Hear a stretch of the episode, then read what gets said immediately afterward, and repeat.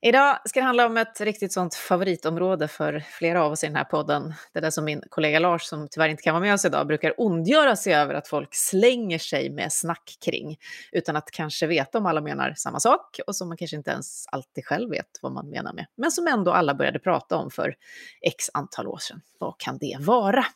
Jo, det är digitaliseringen. Livslångt.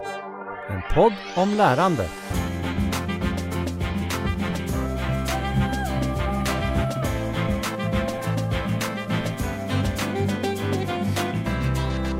Och jag fick ju själv för några år sedan det roliga uppdraget i min hand att bygga någon form av kunskapsbank med målgruppen alla om allt som rörde digitalisering. Ett litet nätt uppdrag. Och en person som bidrog då eh, och i många andra sammanhang kopplat till det här är du, var du, Judith Wolst. Varmt välkommen till mig, Katarina Pietschak och till Livslångt. Tack snälla! Jättekul att eh, ses lite då och då. Och det här är ett kul sammanhang. Så jag är väldigt yes, taggad. Jag med. Hur, eh, hur är läget idag? Var befinner du dig i top of mind? Oh, vad jag befinner mig top of mind? Jag sitter och gör ganska mycket research just nu, eh, vilket är mitt favoritämne. Det är inte alltid jag har tid med det, så det är en sån dag. Så att du är mitt liksom, sociala inslag under dagen och resten är jag och rapporter. Så, att så jag är glad att få träffa dig. ja, jag är glad att vi då får, får ha den här sociala interaktionen, även om ja. vi ska prata om Rapport. Yes. Men har du fått definiera digitalisering på länge? Vill du testa? Oj, Nej, det har jag faktiskt inte fått, fått definiera. Eh, men så här kanske, att jag har ju jobbat med digitalisering och teknik och sånt där i 17 år tror jag nu. Och när jag började jobba med det här så var internet då handlar digitalisering om internet egentligen, ICT-teknologier, eh, informations och kommunikationsteknologier. Och då var det mycket, eh, först kom datorer, sen kom internet, sen kom sociala medier och mobilen. Och det var det som var så spännande de första åren jag jobbade, att sociala medier precis höll på att slå och det var någonting nytt som höll på att skapas och sådär. Och sen började vi jobba med AI, vi började jobba, lagra saker i molnet och sådär. Men det som är spännande nu när vi säger digitalisering, eller ännu bredare ord teknik, det är att vi har massa mer teknologier så det är inte så lätt att definiera längre. För nu har vi plötsligt bioteknologi och nanoteknologi och blockkedjor och 3D-printers. Alltså sånt som ger sig in i den fysiska världen och ger sig in i vår biologi. Så, och energi har blivit digitalt. Vi kan se att det, de logikerna som gäller för teknik eh, generellt också gäller för solpaneler och vindkraft och sådär där kostnader går ner och effektiviteten ökar.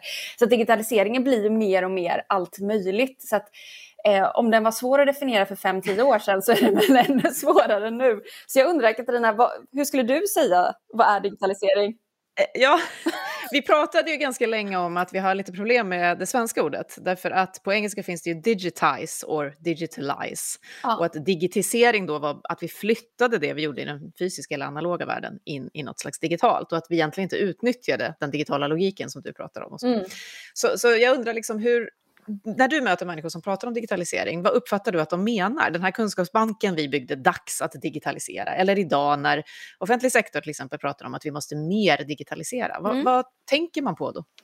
Nej, men jag tror att det handlar inte så mycket nu om att göra fysiska pdf-er till digitala, utan den tiden tycker jag ändå att vi har kommit förbi. Nu, nu tycker jag att det mycket handlar om Eh, att man faktiskt också pratar om nya arbetssätt, vilket jag är glad att man gör. Eh, som vi tittar då, du tog ett exempel med om, om vi ska digitalisera offentlig sektor. Där har man också börjat prata om att vi måste jobba agilt, vi måste testa oss fram och Eh, och i den rapporten vi kommer att prata om så har jag ju lyft Helsingborg som ett bra exempel där de ju eh, jobbar på jättespännande sätt som inte är typiskt för en traditionell kommun. Och det är ju också jätteviktigt i digitaliseringen att vi lär oss att vi måste utforska på liten skala och så skala upp det som funkar och lära oss längs med vägen och sådär. Så arbetssätt är ju också tack och lov äntligen också en självklar komponent i digitalisering men också eh, att vi pratar om nya teknologier när vi pratar digitalisering. Så vi pratar inte så mycket om eh, affärssystem längre, för det har blivit självklart, utan nu är det mer eh, hur kan vi använda AI i vår verksamhet på nya sätt eller hur kan vi utforska blockkedjor som just nu håller på att slå när det kommer till spårbarhet av produkter till exempel. Så att ehm, det är ju det som gör det så spännande också att vi är inne i en ny tid. Eh, det gamla har vi lärt oss och här har ju Sverige legat i framkant eh, när det kommer till internet och digitalisering. Men nu är det nästa steg som vi, vi börjar ta och då blir det ännu roligare igen. Mm. Vad härligt att du känner så. Du, du är ju digital strateg, du kallas ofta expert. Mm. Du har skrivit boken Digital panik, få koll på läget, som jag har här och som jag såg är tillfälligt slut på sajterna. Det kanske säger något. Men varför läranderesa har tagit dig in i den här djungeln och, och gjort dig till den du är idag? Jag tror att jag Eh, det började ganska tidigt. Jag, jag, har ju gillat naturvetenskapliga ämnen, kemi i skolan och fysik och försöka förstå hur saker funkar. Och när jag upptäckte internet, när internet flyttade in i mitt, mitt hus i Småland när jag var i 16 år eller vad det var, så kändes det verkligen som att världen flyttade in. Även att det var ett skrikande modem som gick jättelångsamt så var det någonting som var väldigt likt det jag gillade att göra, testa, så jag tror att min, min kärlek till digitalisering handlar ju mycket om att vi är med och bygger och testar och att det finns ett ständigt lärande kring det. Och det är inte så olikt kanske naturvetenskapen. Så jag är utbildad faktiskt ekonom eh, på universitetet men eh, jag har hela tiden haft hjärtat på något sätt i tekniken. Eh, och det faktum att det hela tiden förändras gör att man tröttnar inte utan eh, det är nya digitaliseringen innebär nya saker hela tiden.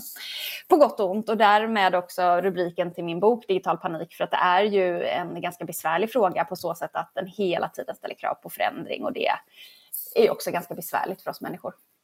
Mm. Och jag träffar också många som bara, är det här livslånga eller kontinuerliga lärandet, tar det aldrig någonsin slut? Får jag aldrig stanna? Känner mig tillfreds? Mm. Nöjd? Mm. Måste jag hela tiden lära nytt? Och där, det är precis som du säger då, det hör ihop med den här digitaliseringstakten. Och därav jättehärligt tycker jag att er podd heter det här, eh, för det är precis mm. det det handlar om. Um, förutom att uh, alltid är kul och spännande att lyssna på dig så bjöd vi in dig då eftersom du och några medförfattare nyligen släppte en rapport som heter Vilket Sverige vill vi ha? Mm. Vad har fått er att skriva den? Vad är det för behov ni försöker möta här? Um, Sverige har ju legat i framkant när det kommer till teknik och digitalisering länge. Eh, både näringsliv men offentlig sektor var ju också snabba på, på det. Vi hade ju de här satsningarna på PC och internet och bredband till alla tidigt och sådär. Och vi lever fortfarande i en bild av att Sverige är i framkant.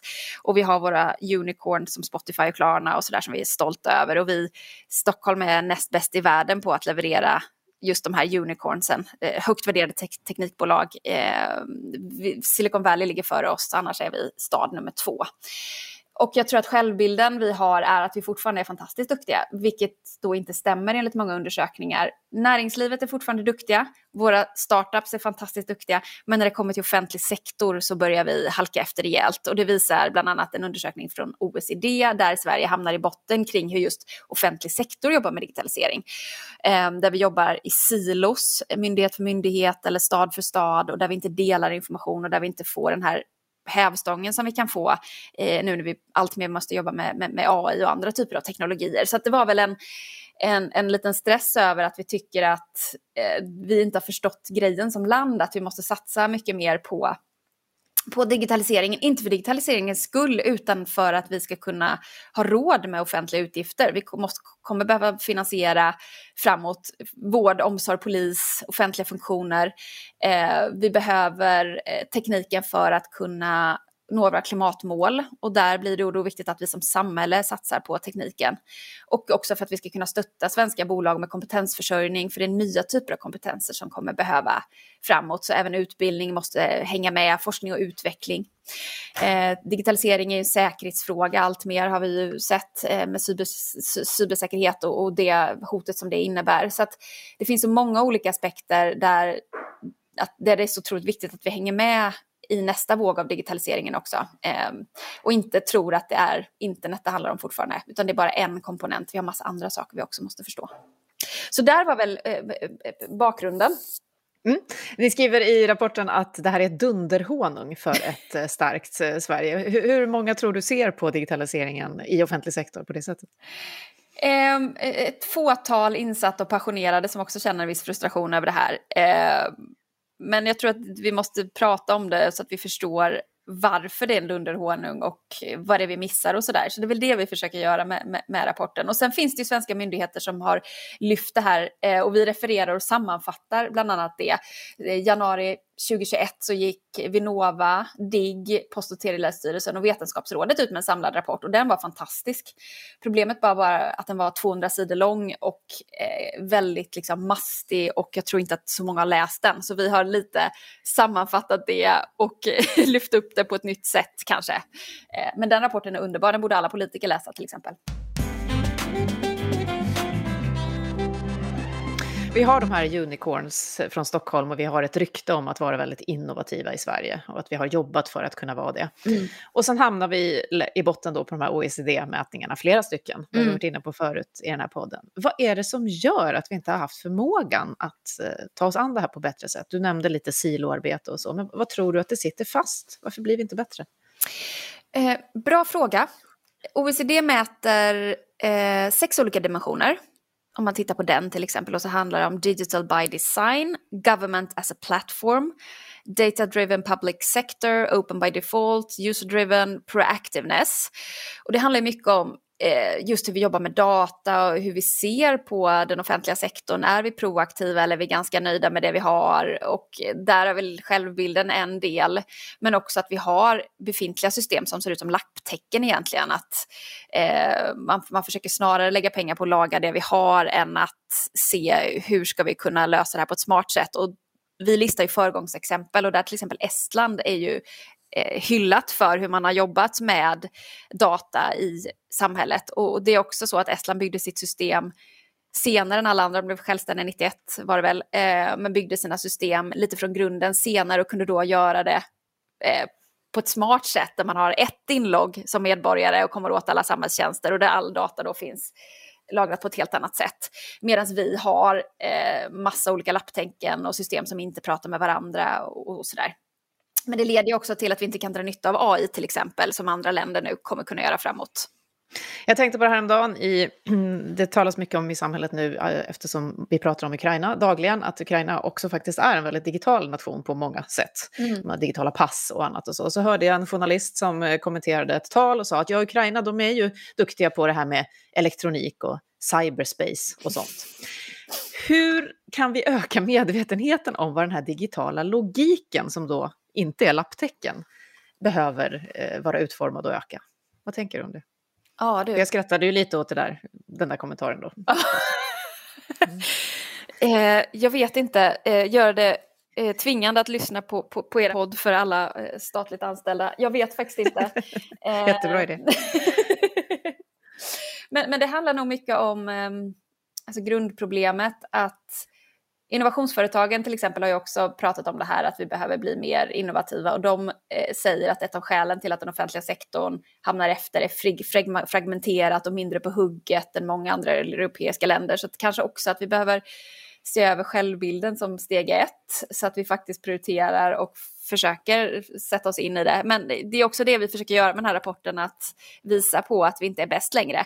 Och våran tes är lite grann att om man visar hur andra länder gör som inte då är USA och Kina eller de allra största så kanske vi kan få eh, förstå att okej, okay, det händer massa saker runt omkring oss, höll vi på att missa någonting? Så det är väl lite den, den eh, strategin vi körde med vår rapport. Så att vi har ju då listat 12 länder som, som har raceat om Sverige och, och också beskrivit lite vad, vad de gör. Our new digital world knows no borders. And great business ideas are no longer limited by where you work or live. E-Estonia is a digital nation for global citizens. No matter where you were born, No matter what passport you carry, you can apply. Use e-residency to run your business from anywhere in the world. Unleash your entrepreneurial potential. Because no business should be bound by physical borders. Apply for e-residency today and join our new digital nation. Vad kan det vara för fler eh, länder än Estland som ligger före oss och, och på vilka sätt? Du kan få en, en exakt redogörelse här. Frågan är hur långt svar du vill ha. Men vi börjar med Estland då till exempel. Så eh, har de då byggt upp en, ett myndighetssystem baserat faktiskt delvis på blockkedjor. Och det här eh, är ju ett hypat tekniskt begrepp, men de började jobba med blockkedjor innan det ens kallades för blockkedjor. Eh, och deras system heter X-Road eh, och där då man har alla myndighetstjänster samlat. Så att om man är medborgare så loggar man in på ett inlogg och kan då deklarera. Man kan göra egentligen det mesta förutom att gifta sig, skilja sig att köpa och sälja egendom tror jag. Det måste man fortfarande göra på traditionellt sätt. Mm. Eh, men, men, och, de har ju också förenklat för företagen väldigt mycket med den här plattformen och också öppnat upp för vem som helst oavsett var man bor i hela världen att, att ansöka om ett digitalt medlemskap i Estland och ha sitt företag där. Så det är väldigt, väldigt spännande. Så det är ett av de mindre länderna som vi har tagit upp. Men vi har också tittat på Finland till exempel som ju är eh, realistiskt att jämföra Sverige med. Och de har etablerat en AI-strategi redan 2017 Eh, och de har en motsvarighet till AI Sweden som får 16 gånger mer anslag än vad AI Sweden får i Sverige, så de satsar mer resurser. De släppte en AI-utbildning för några år sedan som heter Elements of AI med då, eh, målet att 1% av hela befolkningen ska gå den här utbildningen. Och det gäller ju då oavsett om man är statsminister eller tandläkare. Så eh, man, man, har ju förstått att det en, finns en poäng att bredda eh, kompetensen och man pratar mycket om just hållbarhet och teknik i, i eh, kombination med varandra. Artificial intelligence is like electricity. It will shape our world in ways we cannot imagine. Its masters will control how we live. AI is power. In Finland, we believe it belongs to everyone. Now elements of AI is going global. The president of Finland has urged everyone to take it. We challenged the Swedish government to adopt the course, and other nations have followed its lead. With participants from over 110 countries, Elements of AI is already a worldwide success. AI is a human right. We are changing the way the world learns, and we want you to join the movement. Den utbildningen finns ju översatt till svenska. Frågan är hur stor procent som har gått den. Här. Exakt. Den kan vi rekommendera om faktiskt. Elements of AI. Eh, den tar mm. mellan 20 och 40 timmar att gå ungefär och man kan göra det i sin takt beroende på hur slarvig man är i frågorna och så. Eh, så kan man lägga någonstans där. Så det, den är ju toppen faktiskt.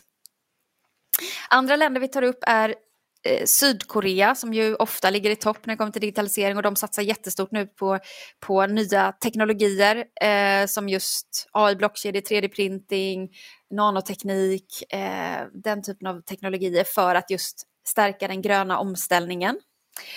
Eh, vi skriver om USA och Kina men de känns svåra att jämföra med vårt land så de tänker att vi inte går in på nu. Däremot så är väl eh, EU är ju på hugget också och gör eh, satsningar kopplat till både digitalisering och hållbarhet i kombination. Ehm, och där finns det många spännande liksom, exempel där faktiskt EU ligger i framkant.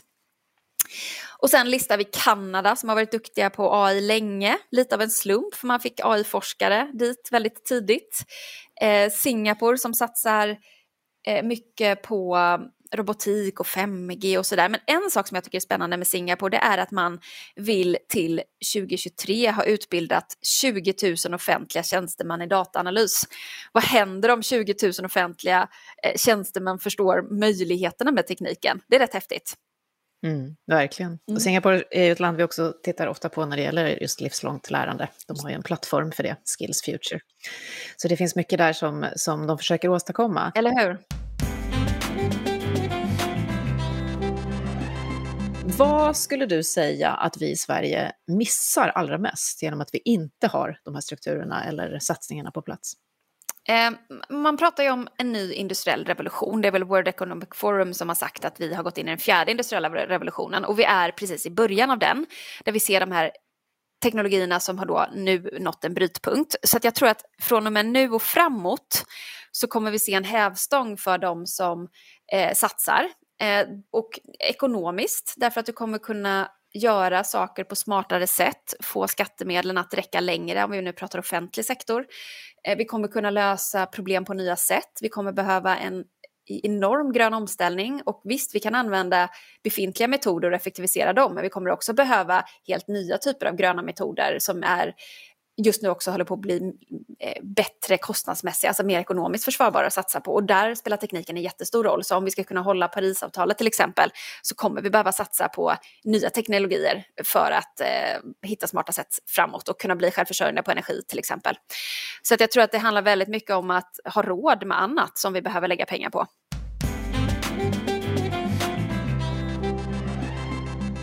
Ibland anklagas människor som eh, pratar om det på det här sättet som du gör nu för att vara tech-optimister. Mm. Hur stor del har tekniken, eh, alltså hur stor del är det för att vi ska klara det här skulle du säga? Jag eh, var nog teknikoptimist eh, för länge sedan. Sen kom det ju en bak techlash som vi kallar det för. Så det vi trodde skulle göra världen fantastisk fick ju också ganska jobb, besvärliga eh, det, konsekvenser på demokratin och, och allt det där. Eh, vi mår dåligt av tekniken i vissa avseenden. Så att jag är mycket mer både och just nu. Jag ser utvecklingen som paradox. Men när det kommer till hållbarhetsfrågan, då ser jag tekniken som jättecentral för att kunna eh, vända den här utvecklingen. Men vi, inte teknikis bara, utan vi kommer behöva modiga politiker som fattar obekväma beslut på kort sikt. Vi kommer behöva ett globalt pris på koldioxid, förändringar i skatter, subventioner och så vidare. Vi kommer behöva företag som satsar på gröna innovationer eh, nu och inte om fem tio år och vi kommer behöva medborgare som fortsatt ställer krav och så där. Så det kommer vi behöva också och det kommer vara lika viktigt. Men tekniken kommer också kunna göra så att vi får helt nya typer av saker framåt och vi har sett början på det och vi har redan teknik för att kunna ställa om till grön energi till exempel. Men vi kommer också kunna se att tekniken hjälper oss att utveckla nya typer av material framåt till exempel som kanske lagrar energi eller absorberar koldioxid. Vi kommer kunna använda tekniken för att innovera nya typer av batterier eh, när vi har svårt att hitta mineraler till de batterierna som vi bygger idag och så vidare. Så att, hållbarhetsmässigt så är jag eh, väldigt tacksam om att, te att, tekniken finns. När det kommer till samhället i övrigt så ser jag jättestora problem med utvecklingen. AI eh, gör ju att vi kan också få eh, missbruk av data, vi kan få snedvridningar eh, om vi låter AI fatta beslut till exempel kring försörjningsstöd eller sådana saker som det används till. Då måste vi vara väldigt medvetna kring hur vi jobbar med tekniken och blockkedjor till exempel kommer kunna användas för spårbarhet av produkter och skapa en mer hållbar värld men det kommer också möjliggöra för kryptoanarki kallar man det för där folk kan strunta i att betala skatt och jobba på plattformar och ta betalt i kryptovalutor och vi kan vi ser till exempel att Nordkorea kallas för världens största bankrånare när man har eh, stulit massa, massa egentligen finansiella resurser från kryptovärlden och finansierat sin eh, fruktansvärda verksamhet. Så att vi har hela tiden både och. Så att eh, teknikoptimist, nej. Eh, men när det kommer till hållbarhetsfrågan, ja. Att ingenting någonsin ska få vara enkelt. um. va, va, va, jag är intresserad av ditt perspektiv där. vad skulle du säga?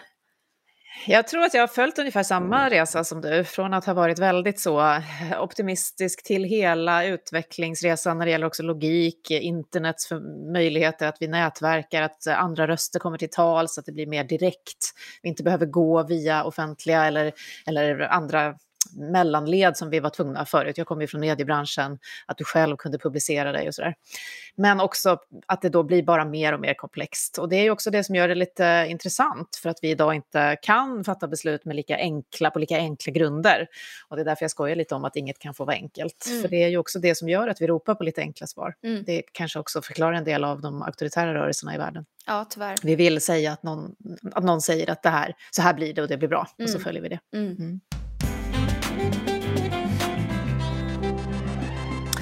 Men eh, den gröna omställningen då som du är inne på och som ju är en av de stora, stora globala utmaningarna i den här komplexiteten som vi ju alla på något sätt kommer i kontakt med. Mm. Det vet vi att vi har svårt att se i vardagen. Vi rullar på i våra inkörda spår. Många företag som vi pratar med mm. kring lärande pratar ju om att de här kortsiktiga vinsterna blir, slår ut det vi vill åt på lång sikt. Så hur kan vi liksom hjälpa till med, vad finns det inom synhåll när det gäller eh, hållbarhet och digitalisering som vi liksom kan känna att, ja, lockar in oss i det här? Eh, rapporten som vi skrev innan den här Sverige-rapporten handlar om AI och hållbarhet där vi listade 20 exempel, konkreta exempel på hur AI kan hjälpa till i den eh, gröna omställningen. Och AI är en teknik som faktiskt har funnits ordentligt sedan 2016 och som implementerats både i företag och i eh, samhället. Och där hittar vi massa konkreta exempel. Man använder AI för att få ner energiförbrukningen och vi listar Google som ett exempel där man använder sina AI-algoritmer för att få ner energiförbrukningen i deras serverhallar där man behöver kyla servrarna och den fick man ner med 40 procent. Och så träffade jag ett fastighetsbolag som räckte upp, var en man som räckte upp handen och sa ja men det där är ju spännande. Och vi har faktiskt också jobbat med AI för att optimera energiförbrukning och vi fick ner energin med 50 procent. Så det är rätt spännande att man behöver inte vara ett stort teknikföretag för att lyckas med det här utan det sker ju här och nu. Och AI kan hjälpa oss på massa, massa olika sätt för att just optimera sånt som vi redan gör. Optimera kollektivtrafiken så att fler så att den funkar bättre så fler väljer att åka kollektivt. Vi använder AI för att eh, göra återvinning eh, från återvinningsstationer mer effektiv och den listan kan göras jättelång. Men sen har vi också då eh, att tekniken hjälper oss att göra helt nya typer av saker. Eh, och det som är spännande också det är att kostnaden hela tiden går ner. Och helt plötsligt nu så är det mer ekonomiskt försvarbart att satsa på gröna energikällor. Det var det inte för bara fem år sedan. Utan vi har nått den här då brytpunkten som jag har tjatat om här i hela podden. Att plötsligt så blir tekniken både redo och billigare. Så att också de som ska göra nya investeringar idag. Eh, för fem år sedan så var det kanske smartare att satsa på det dåliga. Men nu har du faktiskt en situation där det, där det gröna energin är billigare. Och det här gäller framförallt i soliga, det gäller i Sverige, men det gäller framförallt också i de delar av världen där energibehovet eh, kommer öka framåt i eh, Afrika, Asien eh, och så vidare. Mm. Allt det här som du pratar om, du säger att kostnaderna går ner enligt mm. den typen av logik och lag, men lärkurvan går ju då upp. Allt det du pratar om nu kräver ju att vi, som ni skriver, klichén är sann, den enda konstanten är förändring. Ja. Och i förändring så måste vi lära nytt. Och det är ju någonting som vi då sitter med i många olika sammanhang. Det är reskill och upskill, kompetensförsörjning och arbetsplatsintegrerat lärande. Allt det är väldigt, väldigt på agendan just nu. Så. Mm. Hur, ta, hur har ni tittat på frå den frågan om hur, hur vi ska lära allt det här i er rapport? Vi har faktiskt inte tittat på det så mycket.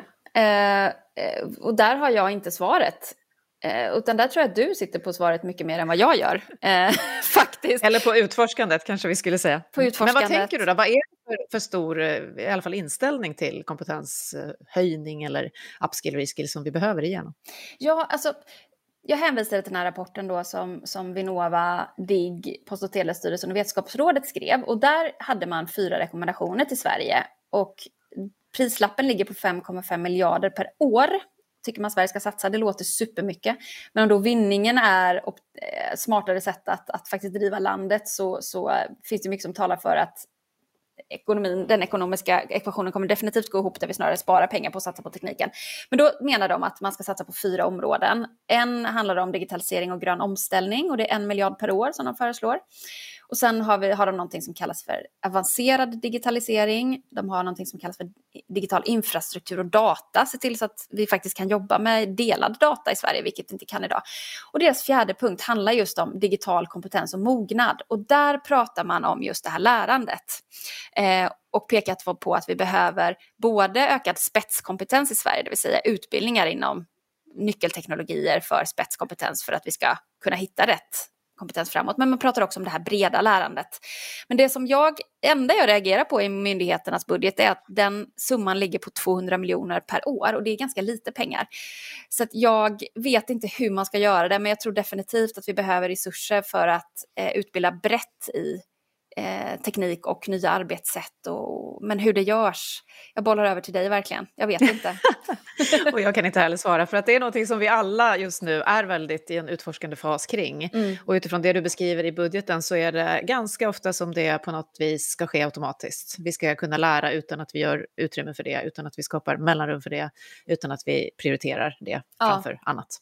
Så det är ju den gordiska knuten som alla sitter med just nu skulle jag säga. Verkligen. Men jag tänker också att det behöver börja på högsta nivå, även att vi inte jobbar speciellt hierarkiskt när det kommer till digitalisering. Men eh, om vi tittar på Helsingborg till exempel, där har man politiker och eh, tjänstemän inom staden som verkligen har förstått vad digitalisering handlar om och man är enade över partigränserna och säger att vi vill göra Helsingborg till den smartaste staden och eh, med hjälp av teknik och vi ska vara mest hållbara och så vidare. Så att man har ju verkligen satsat på det här och man förstått det eh, utifrån liksom beslutsfattande och sen ser man till att det blir så.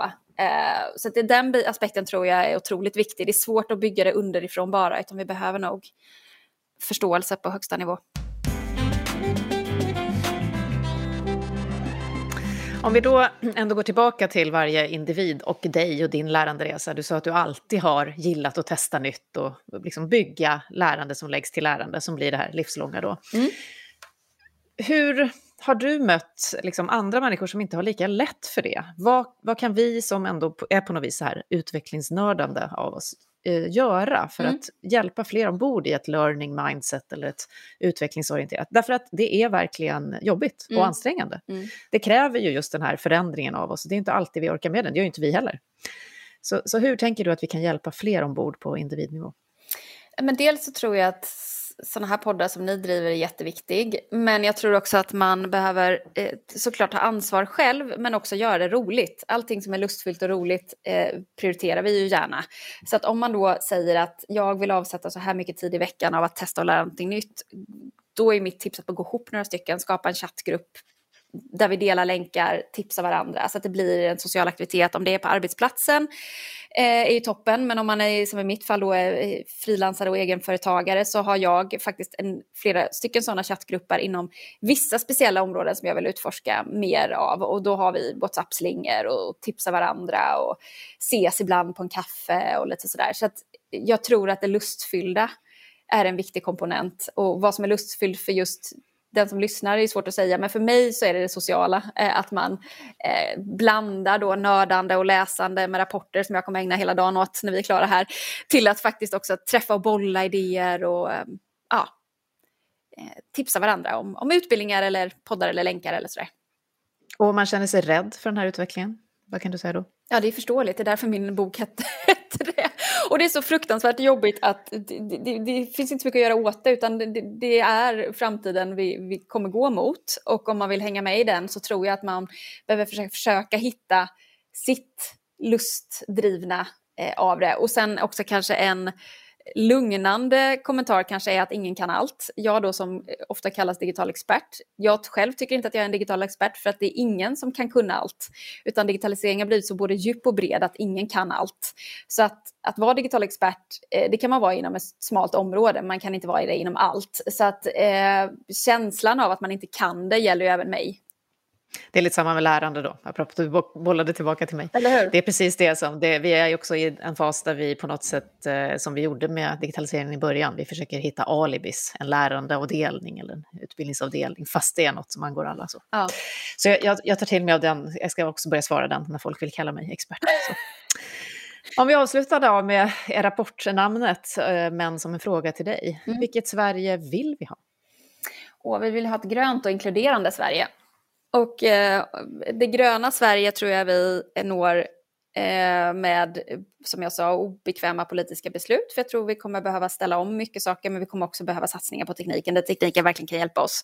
Ett inkluderande Sverige med hjälp av teknik kan man också få, men där är risken också mycket större. Eh, så där måste vi jobba mycket mer medvetet med eh, teknik, hur vi använder det, för att se till att äldre får det tryggare och så vidare. Där finns ju tekniken till hands. Men där växer också mycket etiska frågor och, och sådär, medmänskliga frågor som, eh, som också är viktiga. Tack så hemskt mycket för att du kom till oss i Livslångt. Judith Wolst, digital strateg men inte expert. Författare och massa rapporter och annat som du har på ditt bord. Tack snälla och heja er, jag älskar det ni gör. Eh, jag tror att det är en, en av många viktiga pusselbitar. Vad roligt, tack ska du ha. Tack. Du har just hört Livslångt, en podd från RISE om allt det där man lär sig i livet. Vi hörs om en vecka igen.